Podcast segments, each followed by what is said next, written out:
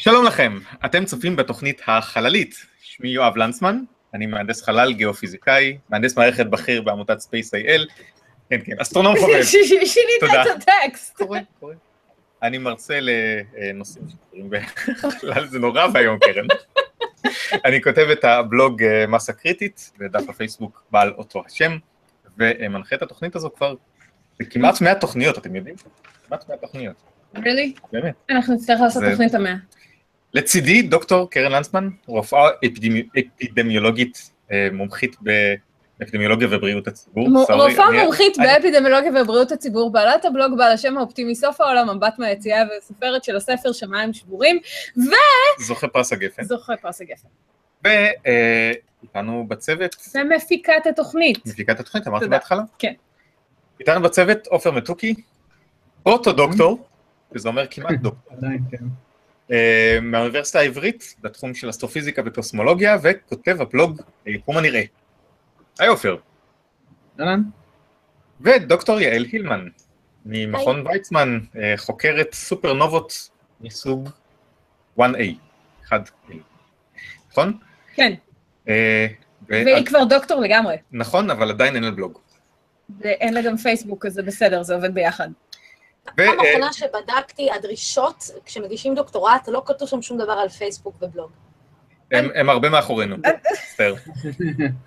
דוקטור- את צריכה לסדר את הרף שלה. דוקטור ויקטור צ'רנוב, אה, אה, אה, אה, הנדסת אווירונאוטיקה וחלל, אה, בתחום של דלק מוצק וטילים ודברים אחרים שמתפוצצים. אה, ולך גם יש בלוג, אה, נכון? כן, כן, כתוב למטה אפילו, Rocket Science.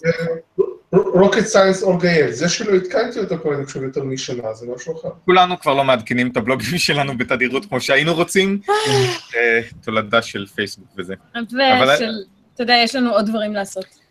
יש חיים וזה. אה, יואב, כן, אני, רגע, שנייה, אנחנו צריכים אה, להגיד ש... שלום. שהיום ה-13 במאי 2017, תודה שהזכרת לי. לדבר. ואנחנו נגיד שלום אה, לצופים שלנו, לפחות מי שהזדהה בצ'אט ואנחנו יכולים לראות אותו, אז אני רואה פה את, אה, יובל מישורי, ואת- שי אבידן, ואת אה, יובל גלברד. ואת אורן קפלן, אורן קפלן מחו"ל. ואת אה, צופה חדש, עוד אה, צופה, עוד צופה, נכון. אה, סמפינג. כן. היי פרשסיה. היי, אה, שכתב או כתבה ביוטיוב ש- שרוצים לדעת מתי אנחנו משדרים, אז אז אני שמח שאתה פה. פעם אה, ראשונה שלה בלייב. אוקיי, אה, זה נכון. ו... אה, ו... ו... ויעל בן ישראל. שהגיעה מהר, היא הייתה הראשונה לצפות בשרשור שאלות בפייסבוק וכבר השאירה לך שאלה שם. נכון, אז אני מחויב לענות על השאלה רגע, אני חושבת קודם, שיש עוד אבל, אבל מישהו. רגע, רגע, רגע, יש מישהו, שכחת מישהו. רגע... לא. אני חושב שזהו לא. בינתיים. יש איזה יואב לנצמן אחד שמגיב בצ'אט, במקום- שלום יואב. במקום לנהל את אז- התוכנית. אז אה, אה, שלום לכם, אנחנו אה, אה, נתחיל, אה, ולפני זה הייתה שאלה, פעם ראשונה מתחילים עם שאלה. אז רגע, אני אקריא את השאלה. אני צריכה להקריא את השאלה, יואב. את רוצה להקריא את השאלה? כי אני יודע אותה. אני אקריא אותה והיא מה, אם אני אמצא אותה, כי אני סידרתי. לקרן יש תפקיד אחד, לדבריה. היא אומרת את זה על הרבה דברים, אבל. נכון, זה נכון. יש רגע... יש לה הרבה תפקידים אחדים. שאלתה של יעל בן ישראל.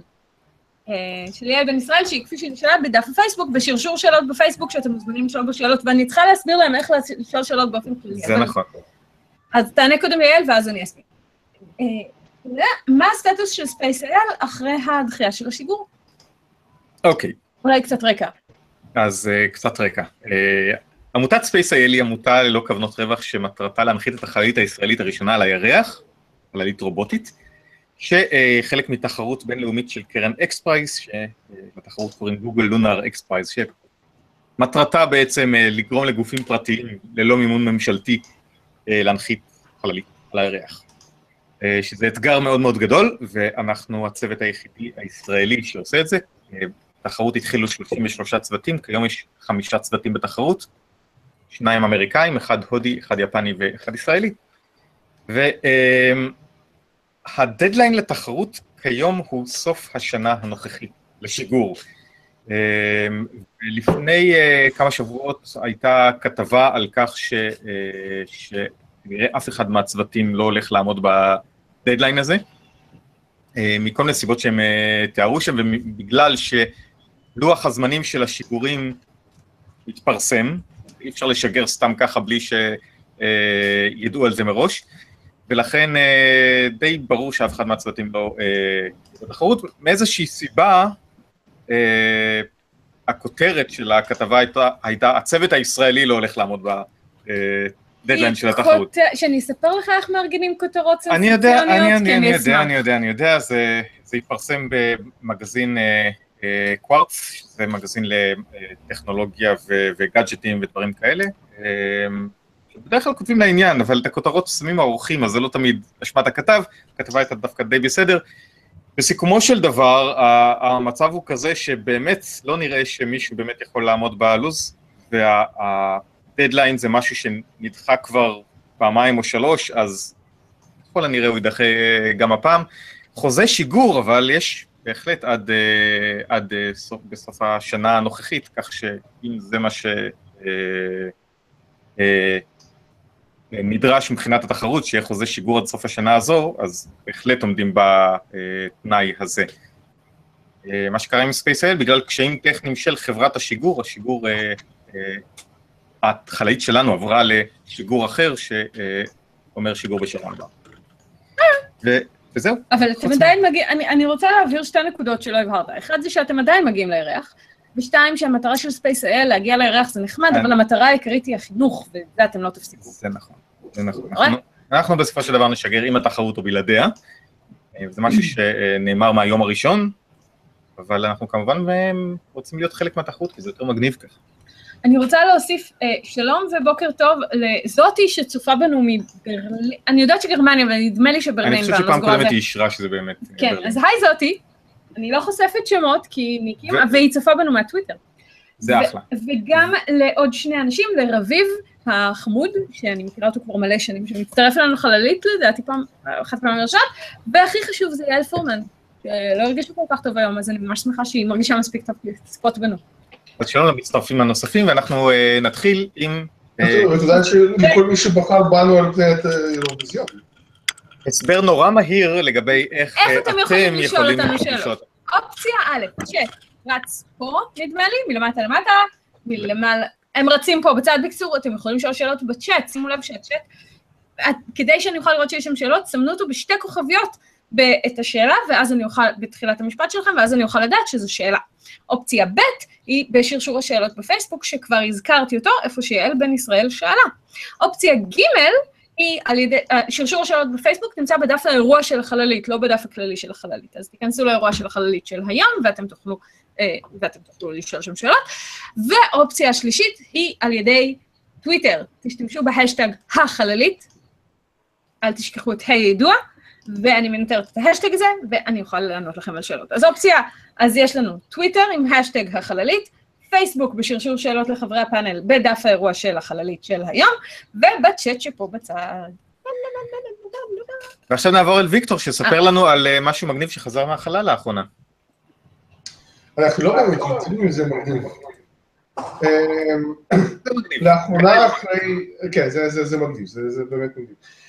מה שקורה זה שממש לא מזמן חזרה חללית שקוראים לה בשם הלא מאוד אינפורמטיבי X37B, אחרי 717 ימים בחלל, חזרה לכדור הארץ. החללית הזאת זאת אחת משתי החלליות של חיל האוויר האמריקאי, זאת חללית לא מאוישת, ששוקלת בשיגור משהו כמו חמש טון, ואנחנו לא יודעים מה היא עושה. זאת חללית שהיא אמורה להיות חללית רב פעמית, זה כבר היה הפעם השנייה שלה בחלל, יש עוד חללית שגם היא הייתה פעם שנייה בחלל, והיא חללית צבאית, שיש לה גם יכולת לשאת מטען,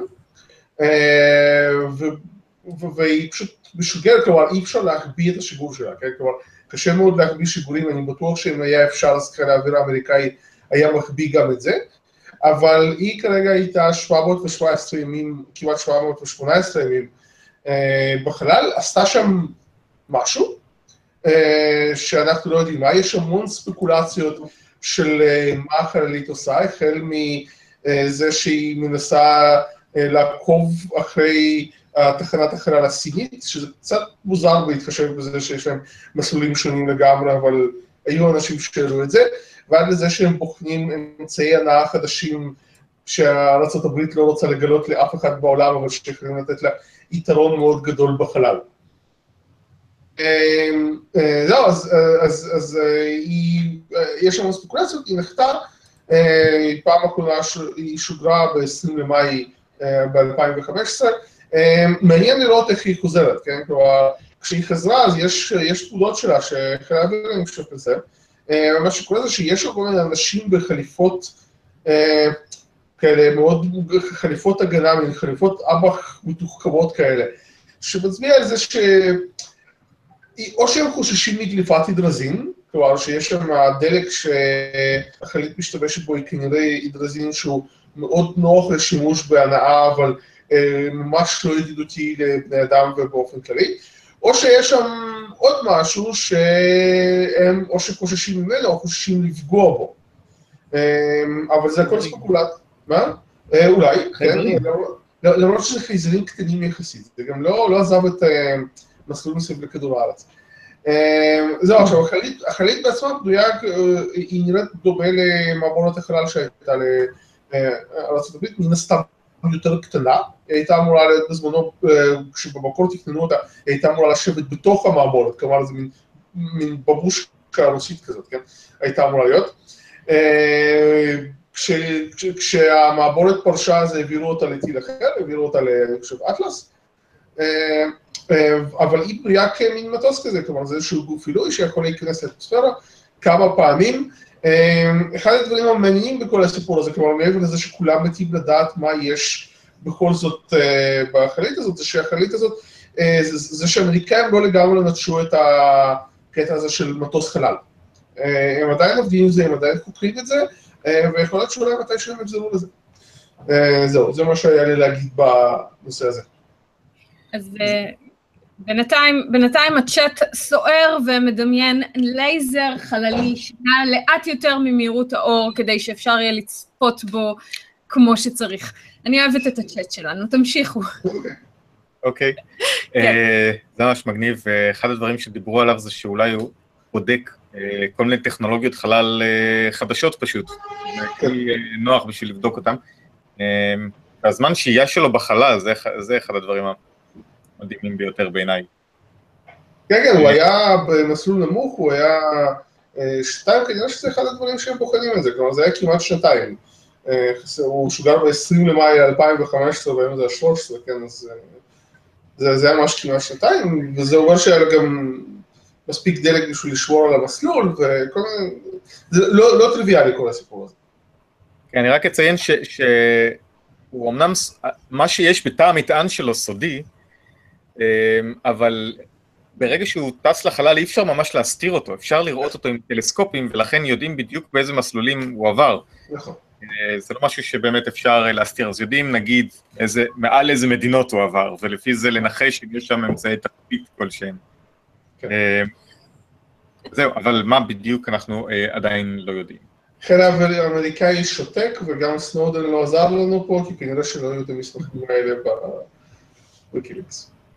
אה, כן, אז אה, אתה יודע מה, בוא, אם כבר התחלנו לדבר על, אה, על מטענים צבאיים, אז בוא נמשיך למה ש SpaceX עוללו לאחרונה. אוקיי.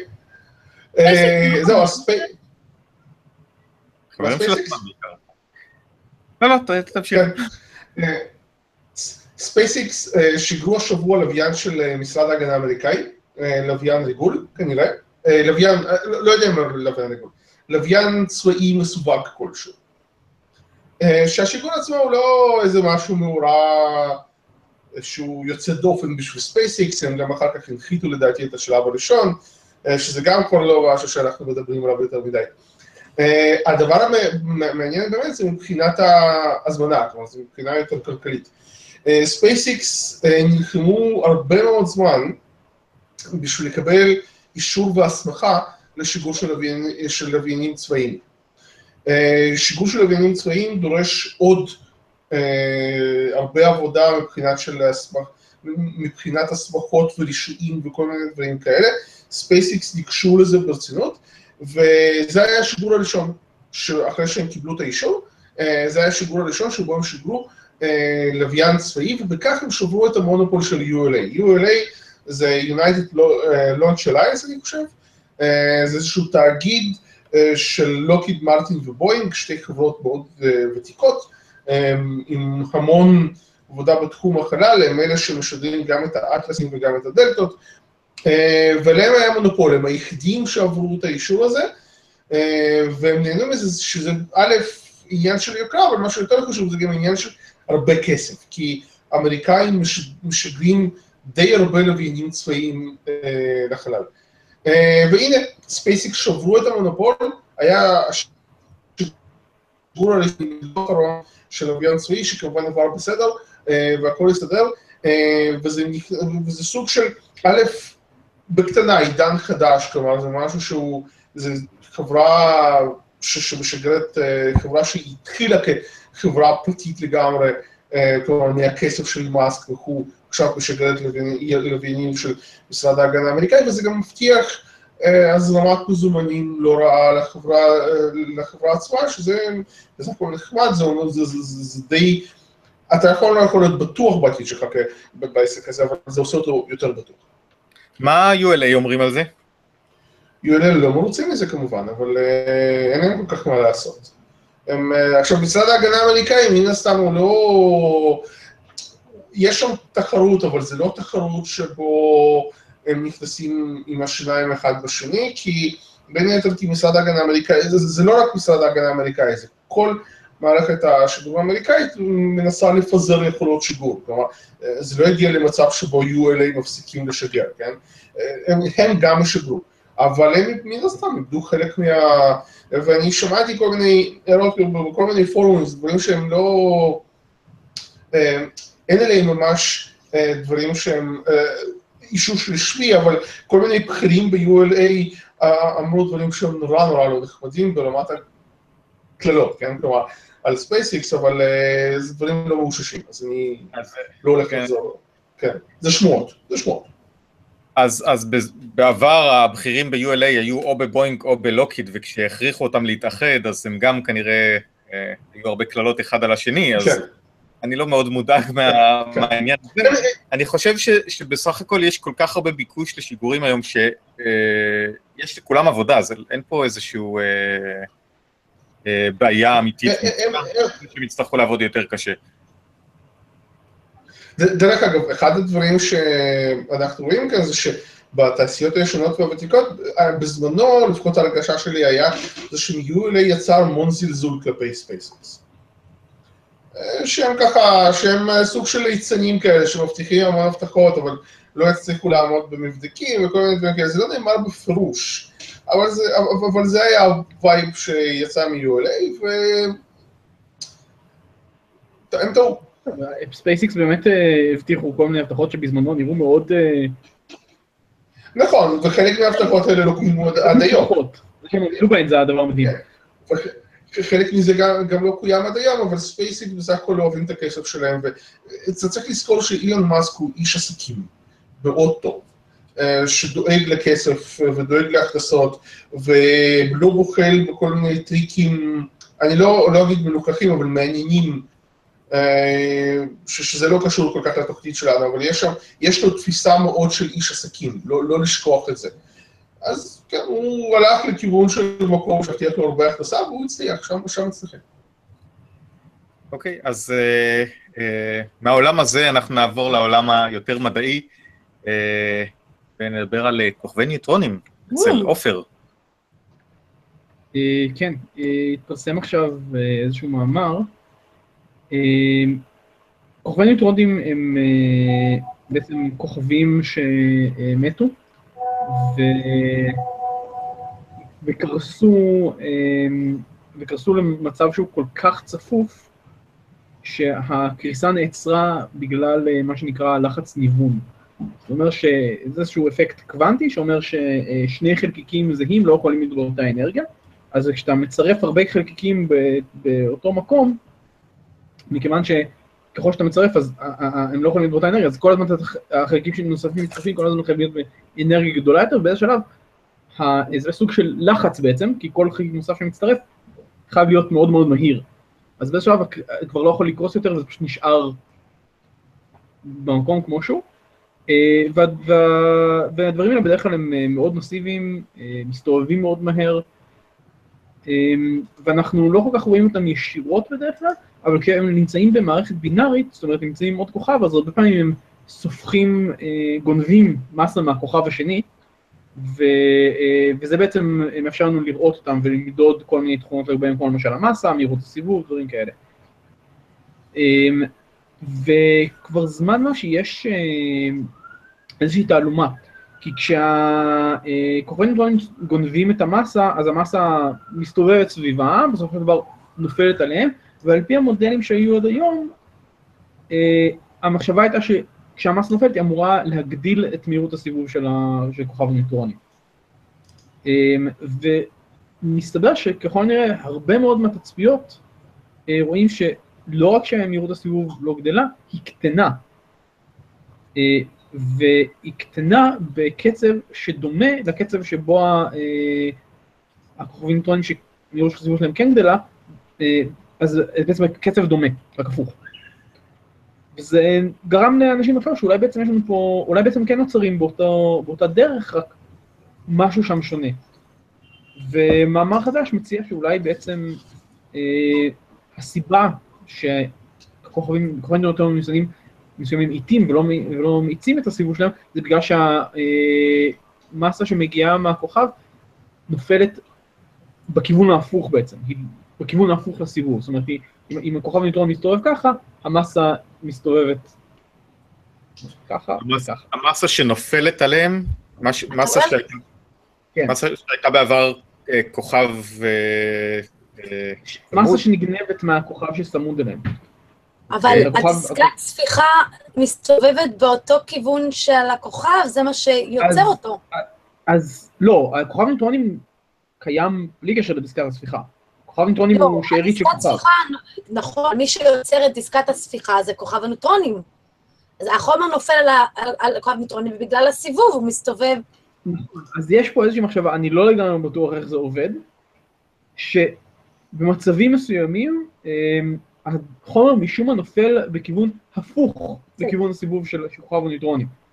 אומר אה, שמסגרת לא הספיחה מסתובבת בכיוון הפוך מהסיבוב כן, של כוכב הניטרונים. אז רגע, קודם, אה, השאלה שלי, האם כל אה, כוכבי הניטרון שזיהו מאטים את הסיבוב שלהם, באמת, או שזה רק... לא, לא כל כוכבי הניטרון שזיהו מאיטים, אבל יש קבוצה של כוכבי ניטרונים שמאיטים, וההאטה היא אה, בקצב דומה להאצה בקורנטרונים האחרים. מה שאומר שזה כנראה תהליך דומה, רק הפוך. אבל זה משהו נדיר. התגלית הזאת, נכון? אני לא יודע כמה נדיר, אה, לא ממש נתנו שם מספרים, אני לא יודע אם אפשר באמת להגיד את זה, כי בסופו של דבר אה, יכול שלנו לזהות, אני לא יודע עד כמה יכול שלנו לזהות, זה רק כוכבי ניטרונים שיש להם כוכב שותף, ושבאמת הם גודלים ממנו מסה, אז יחסית כל המספר הוא לא לא, לא, אבל זה הראשון שמצאו שמאט, שסופח מצה ומאט. לא, לא, לא, מצאו כבר קבוצה כזו. כן. אה, פשוט עכשיו העלו את ההשערה הזו, שיש איזה... אה, ויש איזה שהם קצת יותר אה, עדויות שתומכות בזה.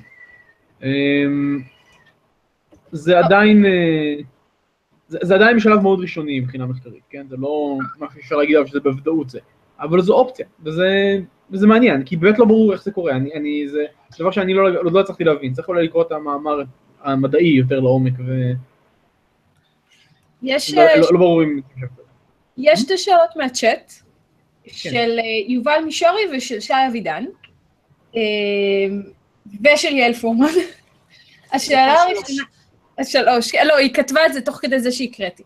אז ככה, אה, שאלתו של יובל מישורי, על כמה מסות שמש מדובר? אמ, כמה עשרות, סביבות ה-30 בדרך כלל, משהו כזה. זה פרט מסיבי.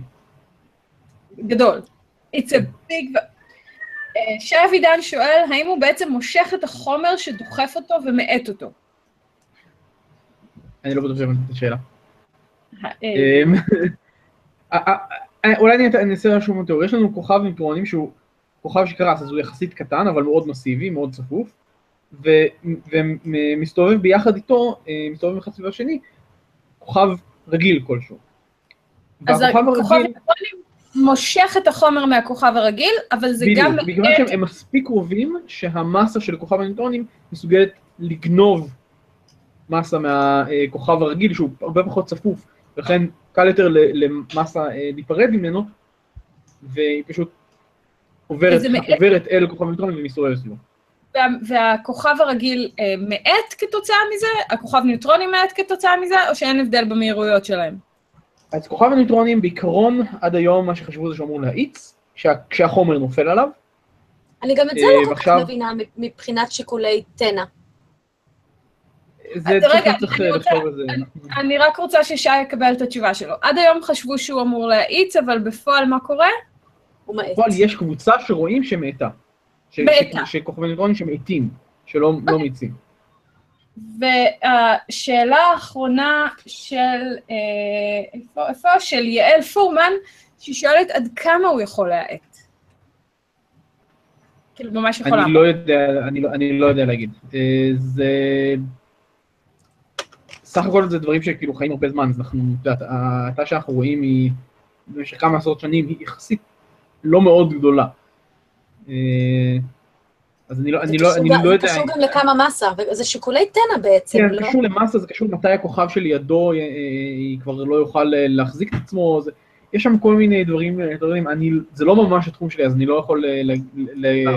בעצם, האם יכולים לעצור? כן. אני לא חושב שזה סביר, אבל... גם אני לא, אבל עקרונית אין שום סיבה, אין איזשהו חסם. בדיוק. כן, עקרונית אין סיבה שלו. אוקיי, אני בעד שנמשיך, יואב, כי יש לי אייטם היום, שאני לא חושבת שנגיע אליו. רמז, רמז. בוא נדבר על האייטם של קרן. לא, אבל לפני האייטם של קרן, אני רוצה שנמשיך עם כוכבי הניוטרונים לאייטם השני, על הכוכבי ניוטרונים אה, נקראים קונסרים. אה, כן. אז כן, אז קודם כל אנחנו נעשה עוד הסבר קצר, כי יש אנשים שלא יודעים מה זה קרן. אמ, אז יש סוג מסוים של כוכבי ניוטרונים שנקרא פולסרים, שהם סוג, הם כמו סוג של מגדלור, הם אה, פולטים אה, קרן אה, מאוד אנרגטית של קרינה לכיוון מסוים, אבל בגלל שהם מסתובבים מאוד, שהם מסתובבים, אז הם כמו מגדלור, הם פשוט כאילו מאירים בסיבוב. ועם הפולסר, אם הקרן היא פונה אלינו, אז אנחנו יכולים לראות את זה, ואנחנו יכולים ממש למדוד את הקצב הסיבוב שלהם ו- ועוד כל מיני דברים כאלה. אמ, דבר אחד שהקרן הזאת מסוגלת לעשות, זה אם, אם הקרונטון נמצא בסביבה של גז, היא מסוגלת אה, להכניס המון אנרגיה לגז, ובין השאר לגרום לפרצי אה, קרינת גמא. עכשיו, כל הרקע הזה הוא בשביל אה, לדבר על חומר אפל. חומר אפל! זה כמו כן, אנרגיות אפלות? כמו אבל לא. אה, כמו שאנחנו יודעים, אה, אה, קוסמולוגים חשוב להם שיהיה חומר אפל. תראה, כמו שכליה ומנדצית הם גם, אותו דבר. אוקיי, זה כואב לי באנטומיה. תמשיך, עופר. עכשיו את מבינה איך אני מרגיש, קרן. אבל בניגוד לאנרגיות אפלות, כליה זה משהו שבאמת קיים, אני ראיתי אותו בעיניים שלי. אתם, עם כל הדברים שלכם, מתי פעם אחרונה ראיתם חור שחור מסתובב פה? לא ראית בכליה שלי. אמ, אבל אני יודעת שאני אעצור את זה עכשיו. תודה. תודה. אמ, בכל מקרה, אנחנו, אה, אה, השערה, אה, השערה מאוד חזקה בקוסמולוגיה זה קיום של החומר האפל, אבל אנחנו לא באמת מסוגלים לראות אותו ישירות, אז מחפשים כל מיני דרכים לראות אותו בצורה עקיפה. אחת הדרכים האלו זה, יש הדחות מסוימות על החומר האפל, חלק מהקוסמולוגים מניחים אה, חומר אפל שאו אה, שהוא אה, דועך ומתפרק ופולט קרינה אה, כשהוא מתפרק, או שהוא אה, מגיב עם עצמו, זאת אומרת אה, שחלקים של חומר אפל נפגשים, הם עושים אנאילציה ופולטים אנרגיה, והאנרגיה הזו אה, יוצרת כל מיני חלקיקים אה, מסוימים וקרינות, וקרינה מסוימת, ואמורים להיות מסוגלים למדוד אותה. אה, ואחד המקומות הכי טובים למדוד את זה, אם זה קיים, זה מרכזי גלקסיות, כי שם אמור להיות ריכוז די צפוף של חומר אפל. לפני כמה שנים נמדדה, נמדד עודף של קרינת, קרינת גמא ממרכז הגלקסיה. וזה עורר המון התלהבות, הרבה מאוד אנשים חשבו שהנה סוף סוף קיבלנו עדות יפה לקיומו של חומר אפל, uh, אבל לא, מאז לא הצליחו באמת uh, uh, למצוא הוכחה לזה שזה חומר אפל, והתחילו לעלות גם הרבה טענות נגד. ובין השאר התחילו לעלות גם כל מיני תצפיות שסותרות את האופציה שזה חומר אפל. בין השאר, מסתבר שהקרינה שאנחנו רואים במרכז הגלקסיה היא לא אחידה, כמו שהיינו מצפים, זה היה באמת מין הילה כזו של חומר אפל, או עננה כזו, אלא היא מגיעה, מ... היא מאוד מפוזרת, היא מגיעה כנראה מנקודות כאלה. אמ, ועכשיו צוות שאנחנו רואים טוען שהקרינה שאנחנו רואים, הסיגנל שלה, הוא דווקא מתאים אם יש שם משהו כמו אלף פולסרים שאנחנו עוד לא זיהינו אותם בעין, כאילו עוד לא, עוד לא מצאנו אותם. שזה לא כל כך הרבה פולסרים, אמ, אז זה אפשרי. אה, מה שכן, זה אומר, אם באמת יש שם משהו כמו אלף פולסרים שלא ראינו, אז מעיד משהו על, אה, על הדרכים שבהם מרכז הגלקסיה מתנהג ונוצר, כי פולסרים לא חיים המון שנים, חיים משהו כמו עשרה מיליון שנה, שזה יחסית לחיים של גלקסיה זה מאוד קצר, אז אם אנחנו רואים אותם עכשיו, זאת אומרת שכנראה ממשיכים ונוצרים כל הזמן כאלה במרכז הגלקסיה. אז uh, יש שם כל מיני uh, uh, עדויות מעניינות, ועכשיו uh, באמת uh, כנראה שהוויכוח סביב זה יתחמם שוב פעם, ובטח uh, ינסו לעשות עוד תצפיות, וכל uh, הטלסקופים שמכוונים למרכז הגלקסיה בטח ייתנו לנו עוד uh, מידע ב, בשנים הקרובות. אוקיי, ממש מגניב. ועכשיו, אה, לפני שיקרה פה איזה אסון משפחתי, קרן תספר על ה... תחקיר. עשיתי תחקיר, קודם כל הכל בגלל ויקטור, בוא נתחיל מזה. ויקטור השבוע שאל... מה? מודה. גילטי אז צ'ארג'. זה התחיל מזה שסטודנט שלך שאל אותך בהרצאה מה ההשפעות של כבידה יתרה על הגוף, נכון? לא סטודנט, אבל כן. ואז אה, ויקטור אמר לו, במקום להגיד לו, ובכן, כבידה יתרה מאוד מסוכנת לגוף, כמובן, אני אבדוק את זה ואחזור לך. במקום זה הוא כתב סטטוס פומבי בפייסבוק ותייג אותי. אז, אז זה כזה challenge accepted. אז כולם יודעים שקרן uh, טבעה את המשפט מיקרו כבידה. כבידה זה טוב, מיקרו כבידה זה רע, אז עכשיו הגיע הזמן למשפט הבת שלו, אה, כבידה זה טוב, היפר כבידה זה רע. או כל... אני, אני, אני... או, אנחנו מותאמים בדיוק לכבידה שבה נולדנו. פלוס מינוס קצת, דרך אגב, 0.89 כזה, 1.2, הכל סבבה, יש מצב שזה יהיה בסדר. אוקיי. מעבר לזה, זה בעיה. עכשיו, אני אתחיל בלהגיד שלא יודעים כלום על בני אדם בהיפר כבידה. אה, היפר כבידה זה כבידה יתרה יותר מ-1G, יותר מה-G שאנחנו נותנים כדור הארץ, מכיוון שבני אדם לא נוטים לשהות תקופות ממושכות בשלושה, ארבעה, שישה G. יש לנו קצת, כן, טיפה מידע על כל הטייסים האלה שעושים כל מיני חלאים באוויר. אבל זה לא למשך... זה כמה שניות, כן. כן, זה לכמה שניות, הם הצליחו להגדיל את זה לטיפה, יש איזשהו מאמר אחד שמדבר על EEG שעשו לטייסים כאלה, והם אמרו, אנחנו רואים כל מיני שינויים ב-EEG, אבל הם שונים בין אדם לבן אדם, ובאותו בן אדם הם שונים תוך כדי הניסוי הזה, אנחנו לא באמת יודעים מה אנחנו ראינו. עשו להם EEG כשהם בתוך מטוס עושים לופים? אני... לא, צנטריפוגה, לא, צנטריפוגה. כן, זה לא MRI, כן? אפשר לעשות... אה, לחבר... זה לא מכשיר. הם שמו... גם ככה יש להם משהו על הראש שהם טסים. לא, זה צנטריפוגה פשוט. Anyway, back to square one, יש גם מחקרים על EEG בעכברים, על מוחות של עכברים בהיפר כבידה, והמסקנה היא שאו שזה עוזר לפעילות המוחית, או שזה מפריע לפעילות המוחית, או שזה לא משנה לפעילות המוחית. מסקנה חד משמעית, כאלה אני כן. אוהבת. יש את הדבר הזה שהרבה מאוד אנשים אוהבים להגיד, תנו לי איזשהו נושא ואני אמצא לך את המאמר המנוגד, אז במקרה של יתר כבידה זה נכון. ככה. כל דבר יש מאמרים סותרים. יש כמה דברים שהם כן נכונים. הם שמו עכברים בצנטריפוגות למשך כמה זמן? כמה ימים, שבועיים, שלושה. אני, אני, אני חושבת שיהיה לנו כאן בעיה עם ה... תנו לחיות לחיות כרגע. אני לא, לא השארתי את הריצוי. אני רוצה לספר לכם מה כן גילו. גילו שהיא יתר כבידה, ויש איזושהי מדרגה בשני G פחות או יותר. ועד שני G עכברים יש להם שינויים, אבל הם גם שינויים הפיכים והם גם שינויים שלא נורא מכבידים על איכות החיים שלהם, אבל משניים לשלושה G יש איזושהי קפיצה, ושלושה G עכברים לא אוהבים. אז קודם כל, הלב שלהם נהיה מוגדל, יש שינויים בנימיות, בנימים, סליחה, בכלי הדם הקטנים, יש שינויים בשרירים, השרירים מדלדלים, השלד נעשה מסיבי יותר, ככה שמסת הגוף יכולה אפילו לקטון, או לא להשתנות, אבל השלד, מה שקורה בעצמות למשל, זה אה, העצם, חלק ממנה נעשה עבה במיוחד, אבל היא בו זמנית עוברת הרס מוגבר והיא נעשית מחוררת יותר. אה, השרירים מדלדלים? למה? לא, השרירים נעשים, אה, חלק מהשרירים נעשים יותר, יותר מסיביים וחלקם לא. ואי אפשר, כאילו, אני לא הצלחתי להבין, אני גם לא מכירה מספיק אנטומיה של עכברים. התואר שלי היה על דברים בגודל הזה. אז כאילו, אם זה מהגודל הזה ומעלה, אני, אני מבינה בו, אבל, עכברים זה, אני יודעת, כאילו, לא משנה.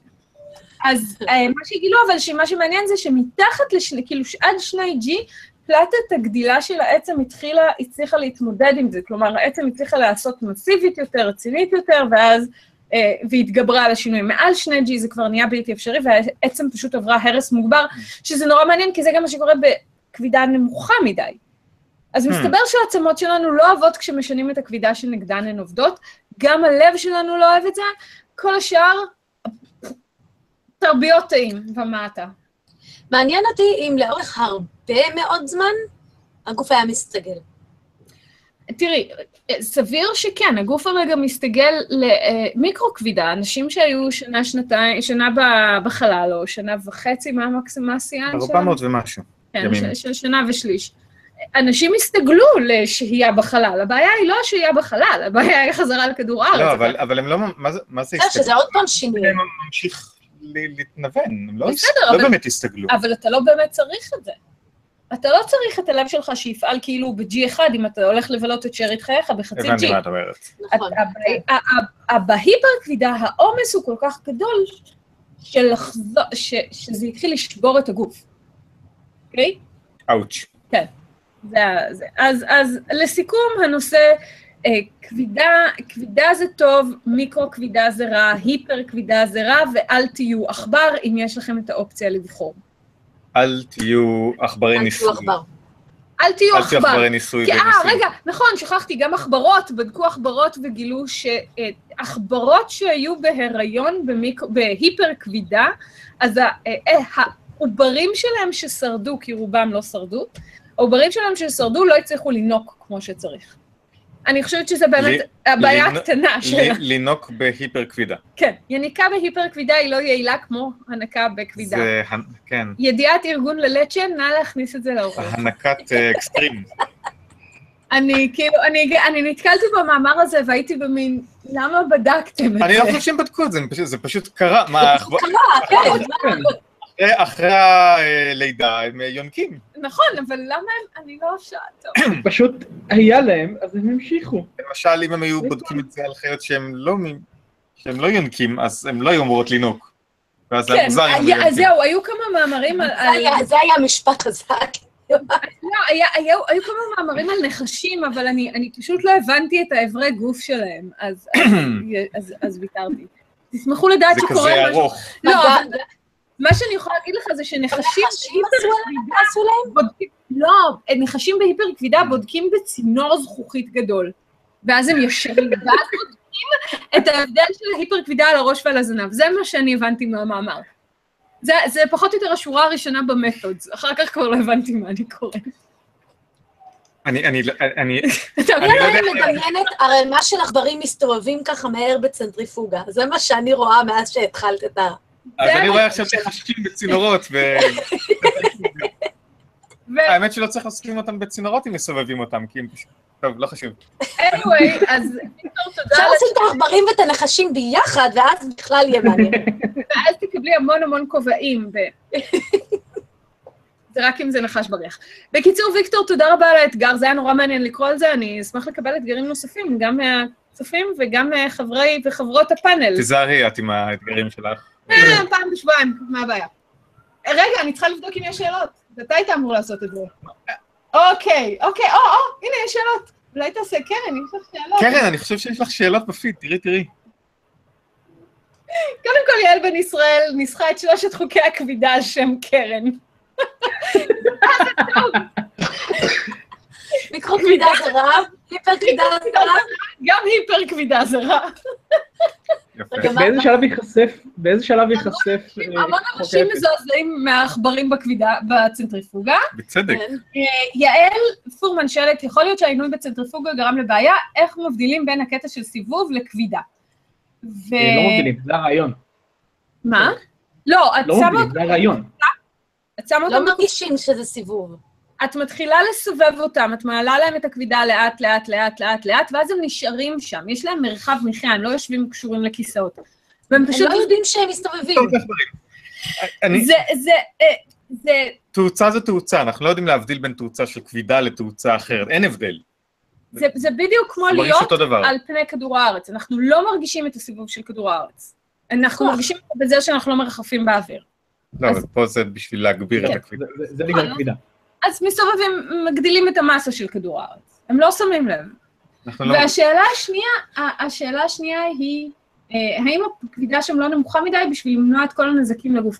השאלה של יישוב, לגבי יישוב מאדים היא שאלה מצוינת, וכל המחקרים על מיקרו-כבידה נעשים עכשיו בכיוון הזה באמת, של ההגעה למאדים והיישוב של מאדים. מה הכבידה של מאדים, תזכיר לי? הכבידה של מאדים 38 אחוז, אז מאוד יכול להיות, נדמה לי. בהינתן שאנחנו לא נאלץ לצפות ב-real life, the space between us, אז האנשים שיחיו על מאדים, יהיו אל להם תראו. שינויים פיזיים, אל תראו, אבל אתם יכולים לקרוא את ה live blogging שעשיתי על הסרט המזעזע הזה. האנשים שיחיו על מאדים, הפיזיולוגיה שלהם תהיה שונה מאנשים שחיים על כדור הארץ. רואים את זה בהרבה מאוד סרטים וסדרות של מדע בדיוני, וזה כנראה מה שיקרה. זה עדיין מאפשר חיים. זה- הכבידה על זה מאדים היא לא... זה בתנאי שהדור הראשון יצליח לשרוד, וייוולדו ילדים נורמליים שיצליחו להתאקלם, זה זה לא כזה אה, פשוט. על uh, הנושא של הריון ולידה זה נושא שהוא לא, לא ידוע. זאת אומרת, עשו uh, ניסויים כאלה במיקרו כבידה, אבל אנחנו לא יודעים מה קורה בין לבין. כמה כבידה צריך בשביל שתהליכים של התפתחות עוברית יעברו בשלום. אחד. התשובה לשאלה היא תמיד. אחד. מה זה אחד? אני, אחד מפנה. אותך לחוקי הכבידה על שם קרן. אוקיי, קודם אמרת רגע. ש-80 אחוז כבידה זה בסדר. זה בסדר, אוקיי, כנראה. מישהו כבר נכנס להיריון ב-80 אחוז כבידה? לא. עכברים? כן. חולדות. לא, במיקרו כבידה, זה לא... אוקיי. רגע, רגע, הייתה עוד שאלה. השאלה, הש- השאלה האחרונה של יעל זה לגבי אה, האם עשו את הצנטריפוגות בחלל, לא, הצנטריפוגות היו על פני כדור הארץ ומדדו כמה G העכברים מרגישים. שזה אומר שהגבירו להם את המהירות עד שהם היו בשלושה G. זה, זה ניסויים שחזרו עליהם שוב ושוב ושוב, ויש את כל תאי הניסויים מפורטים. וזה נורא ואיום, אל תקראו ניסויים בבעלי חיים, אני משמעותית יותר אוהבת את הניסויים שאנחנו עושים בבני אדם.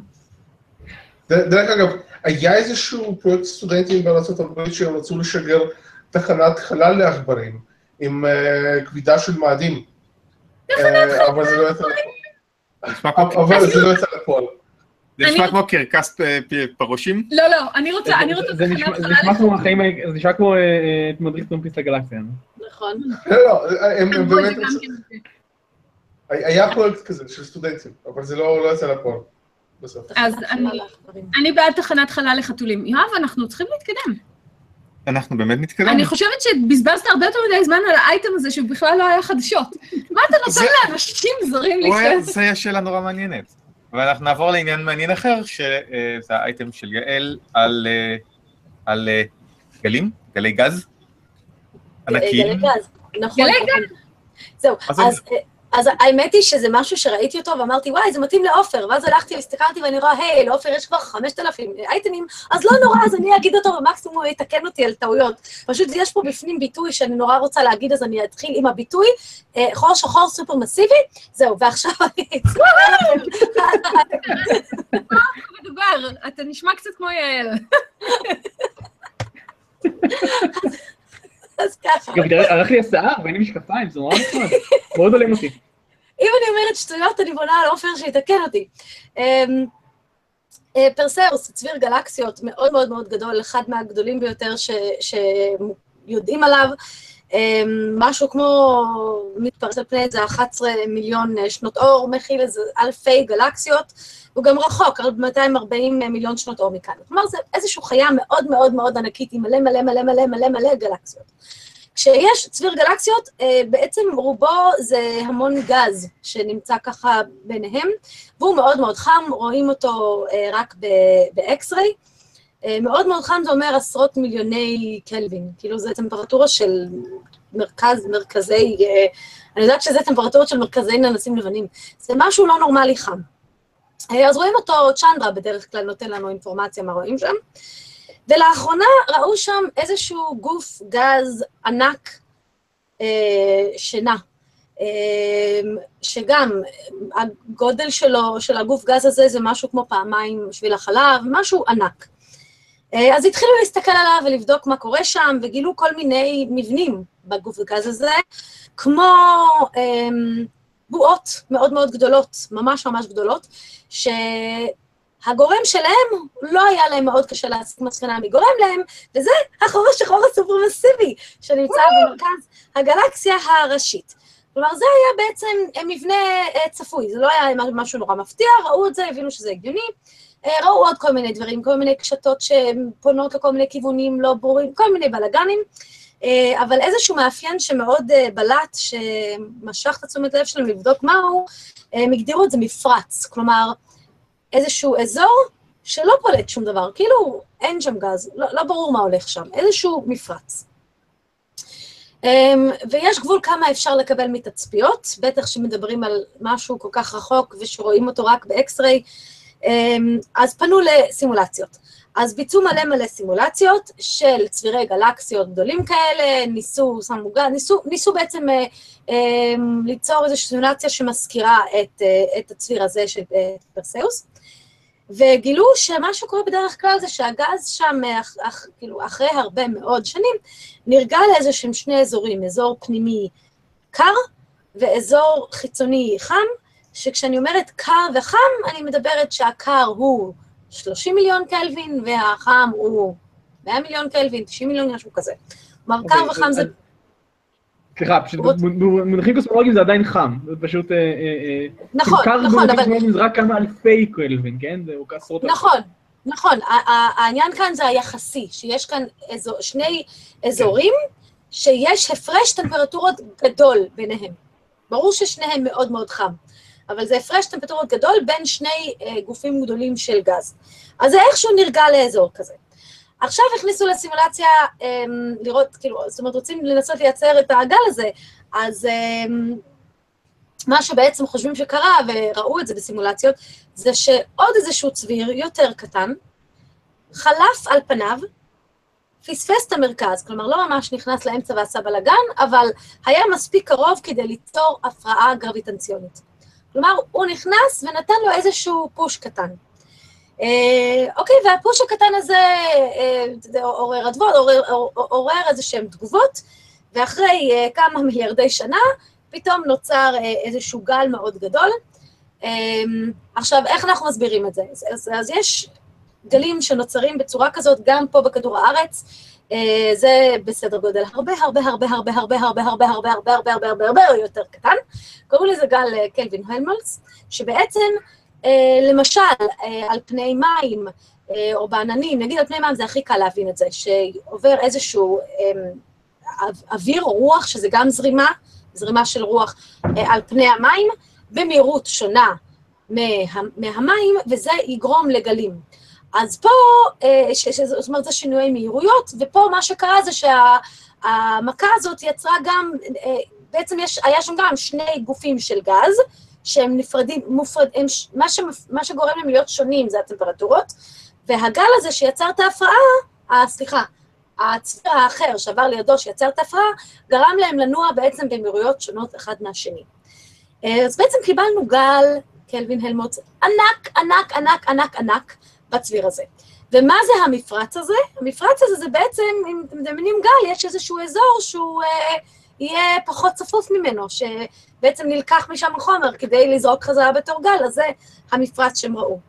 אה, מאפיינים כאלה כמו המפרץ, הם חיפשו ומצאו בעוד, אה, בעוד איזה שני צבירי גלקסיות אחרות, אז יש לזה איזשהו בסיס. אה, דבר נוסף שמצאו, מאוד מעניין, זה מתוך הסימולציות בעצם, הם מצאו שיש קשר בין גודל הגל לבין שדה מגנטי. והקשר הוא הפוך בעצם, ככל שהשדה מגנטי יותר גדול, הגל יהיה יותר קטן. אם הם עשו את השדה המגנטי ממש גדול, לא נוצרו בכלל גלים. אז בעצם מה שהם הראו כאן זה ש... ברור שצריך עוד לבדוק את זה, אבל הסימולציות כאן הראו את זה, שבעצם אפשר יהיה למדוד שדות, שדות מג... את השדה המגנטי בצבירי גלקסיות על פי הגלים שנוצרים כשיש הפרעה כזאת. אמ, שזה לא היה דרך אחרת למדוד את זה. וואו. יש המון דברים מעניינים בנושא הזה, אבל אין לנו זמן, אז אני לא אכנס לזה. זה המון שאלות בעצם, זה בעיקר עורר שאלות. אני מתחילה לחשוב... כן, לא, יש המון שאלות שעלו לי, ואני לא רוצה להיכנס לזה. טוב, אז אנחנו אה, נעבור מגלים אה, גלים גלקטיים לגלי לבה. אני, אני, רוצה לציין, אני רוצה לציין רק שהצ'אט פשוט השתתק כשדיברת, לדעתי כולם היו מרותקים. או, או שהרדמתי אותם. גם יכול להיות, אבל אני הייתי, אני הייתי הולכת על מרותקים. אז עכשיו נדבר על גלי לבה. גלי לבה. אז uh, לפני כ... היי, זה אייטם שלך. כן, זה אייטם שלי. לפני כשנתיים uh, היה uh, מצב uh, שלא קורה יותר מדי, שירח איו של, uh, של צדק uh, הוסתר uh, על ידי הירח אירופה, שגם הוא מסתובב סביב צדק. שניים מהירחים הגליליאנים של, של צדק. וזה נתן אפשרות נדירה לראות פרטים על פני, על פני איו, גם כשהם, כשהם מוסתרים חלקית, ו, ולזהות, אפשר להגיד, פרטים של הפרטים שלהם. יש אזור גדול על, על פני איו, שהוא, בגלל שהוא כל כך קרוב לצדק וכוחות הגאות החזקים של הפלנטה האדירה הזו, גורמים לו להתעוות כל הזמן, אז יש לו הרבה מאוד פעילות געשית על פני השטח. זה דברים שחלליות וויוג'ר שעברו לידו כבר שנות ה-70 זיהו. אה, ויש אזור מסוים אה, על פניו, אגם אה, לבה גדול, זה בעצם לוע של הר געש פעיל על פניו, שנקרא לוקי פטרה, על שם לוקי, כן. הלוקי? לוקי. לא של מארוול, מהמיתולוגיה הנורדית. אח של תור? גם אצל מארוול הוא אח של תור. נכון. זה אגם ענקי, בקוטר של מעל 200 קילומטר, של לבה. עכשיו, האזור של צדק הוא אזור קר, אוקיי? זה אזור ש... שאם י... י... ישימו אותו, ב... אה, יעזבו אותו במנוחה, הוא, הוא ירד לטמפרטורות מאוד נמוכות. אבל בגלל שהוא כל הזמן מתעוות ככה, אז, אז יש שם המון חום אה, שמתפרץ גם כלפי מעלה. ו... אז ידוע שיש את האגם הזה, זה אזור שהוא מאופיין, רואים אותו גם בטלסקופים גדולים מכדור הארץ, כי, כי ההחזר אור, אור שלו שונה מאפשר פני השטח האחרים בסביבה. והמעבר של אירופה על פניו אפשר להם לראות, אה, למדוד את הפרשי אה, ההחזרים של האור, בעצם את הפרשי הטמפרטורות בין אזורים שונים על, אה, של האגם הזה. אז המדידות האלה נעשו ממצפה על כדור הארץ, מצפה שנמצא באריזונה, כבר לפני שנתיים, עכשיו התפרסם המאמר לגבי זה, שאומרים שהם זיהו שבזמן מסוים היה שם הבדל טמפרטורות מאוד גדול בין שני הצדדים שלו, שבצד המערבי הייתה טמפרטורה של בערך מינוס שלוש מעלות, ובצד המזרחי, בצד ה... מה אמרתי קודם? המערבי. מערבי. האמת שאני כבר לא בטוח. אתה יכול להגיד ימין ושמאל. בצד, אה, בסדר. אה, בצד ה, אה, המזרחי היה טמפרטורה של מינוס שלוש מעלות, בצד המערבי הטמפרטורה של בערך חמישה וארבע מעלות. וההבדל היחסית גדול הזה אפשר להם אה, בעצם, אה, אה, ורואים גם את, הש, את השינוי, לזהות בדיוק מה קרה שם. זה, זה אומר בעצם שיש שם תופעה שמוכרת גם בכדור הארץ, רק שבמקומות כאלה זה תמיד יותר באקסטרים, שהלבה שנמצאת בשטח, בצד העליון מתקררת, מתקשה, ואז החלק של הקרום נשבר ושוקע כלפי מטה, ולבה טריה והרבה יותר חמה, עולה כלפי מעלה. אוקיי. Okay. ואז נוצר מין גל כזה של, של לבה שהולך ומתקדם, זה משהו שהוא, אה, זה, זה מוכר, זו תופעה שקורית אה, בכל מיני מקומות. מזכיר קצת נסיגה של קו חוף של, באגמים או, ב, או ליד הים. והגל הזה נע במהירות של בערך קילומטר ביום, עד שהוא מגיע לצד השני ורואים את הפרשי הטמפרטורות. יש גם אזור באמצע שהוא לא, שהוא הרבה יותר, הרבה יותר קר, זה כנראה פשוט לא לבה, שהגל פשוט עוקף אותו משני הצדדים, וזה תופעות אה, מאוד מאוד יפות ש, שרואים אותן. קודם כל בעיניי זה, אני, אני מאוד מוצא חן בעיניי זה ש, שחומר ש, שנאסף כבר לפני הרבה מאוד זמן אה, אה, מאפשר להוציא עדיין מחקרים חדשים היום, אבל דבר שני, רמת פעילות ב-IO היא, היא לא לגמרי מובנת. זאת אומרת, אנחנו רואים מה שיש שם, וכש... החללית גלילאו הקיפה את צדק, אז היא גם הביאה אה, תמונות של איו שמראים את פני השטח של משתנים, יש שם גאויות ענקיות של מטרים, לא, לא של ים, של, של היבשה, אה, מטרים ועשרות מטרים אפילו, זה, וכל מיני מעברי חומר מוזרים בין איו לבין צדק, דברים משוגעים לחלוטין, אבל אה, המבנה הפנימי שלו אה, פחות ברור כתוצאה מזה. ו- ותופעות כאלה מאפשרות uh, ללמוד על מה, מה קורה בפנים, כי הלבה הטריה יותר יוצאת בעצם החוצה ומאפשרת לנו לדעת מה יש יותר uh, באזורים יותר עמוקים. אז uh, זה נושא מאוד מאוד uh, מגניב, ואנחנו uh, נקווה שיהיו עוד... תראה רגע את התמונה אולי. אני אשתדל להצליח להראות את התמונה. אה, זו התמונה ששמתי גם באירוע ב... כן, היא נורא יפה. פייסבוק, אז נראה אותה. זאת, זאת, זאת תמונה שלא קשורה ישירות לזה, זו התמונה של איו, אני חושב, האבל אולי. זה אה, התפרצות שם למעלה? תמונה מאוד מפורסמת. לא. כן, כן, זה התפרצות אה, על האופק שלו. וואו. אה, זה לא בהכרח צבעים אמיתיים. לא, לא, לא הצבעים, הגובה. אבל, אבל הגובה, הגובה הוא, הוא, בגלל שזה גם ירח מאוד קטן יחסית, יחסית לפלנטה, אז, אז חלק מהחומר שעף החוצה בסילונים האלה, בהתפרצויות האלה, הוא בפירוש מגיע למהירויות בריחה, ובגלל שהרבה מזה זה חומר טעון, הוא גם נע על קווי השדה המגנטי החזק של צדק, ואז יש שם בכלל אה, כל מיני תופעות של מעברי חומר אה, בין הירחים לבין צדק עצמו. דברים מאוד מגניבים. יש לנו שתי שאלות ואיזה 700 הערות מהקהל. Okay. אוקיי. Uh, ההערות הן כולן ליעל, וכולם אומרים שהם היו מרותקים לאייטם, ובגלל זה הם לא שאלו שאלות. זו פשוט כמות מטורפת של אנשים שאמרו את זה.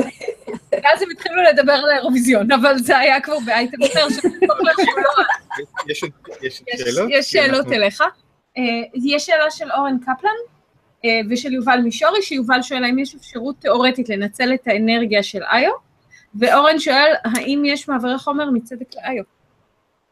אה, כן, אה, מעברי החומר הם, אה, הם הדדיים, זה פשוט לא בהכרח אותם חומרים, לצדק יש בעיקר מימן לתרום לעסק, אבל זה אומר שיש טבעת של חומר באזור של המסלול של, של איו, שהולכת אל הכתבים של צדק, שזה דבר מאוד מגניב.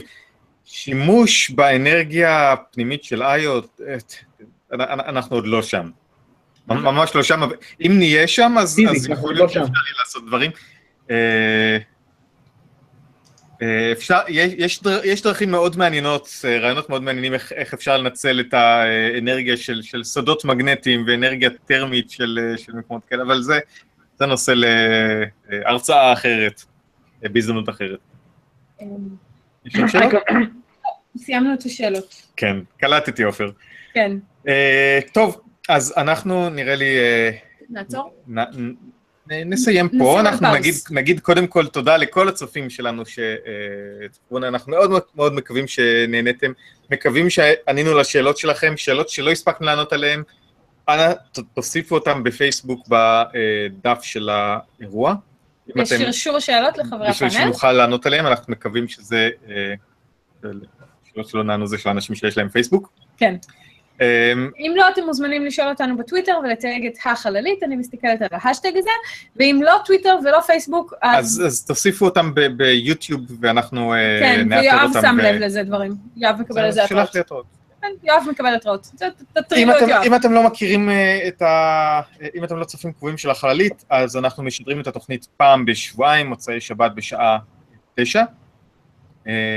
אז התוכנית הבאה, כאמור בעוד, בעוד שבועיים, על נושאים חדשים, ואתם מוזמנים גם להציע לנו נושאים. זה יכול להיות אנחנו, נחמד. אנחנו נשמח לקבל אתגרים מהפאנל, לפאנל, כמו ששמתם לב. אמ, אני רוצה כן, להגיד תודה כל רבה. כך פותחת פה. בדיוק, אני מתפחדת לשאול, להציע כזאת הצעה. אתם מוזמנים להציע אתגרים לקרן. ואני רוצה לאחל בהצלחה לצופי האירוויזיון, אני מקווה שאתם לא תישארו ערים עד מאוחר ושאתם תקבלו את סיפוקכם מהתחרות מלאת הנצנצים והדברים הוורודים שמטפל לכם. אני אוהבת את האירוויזיון, זה מגניב.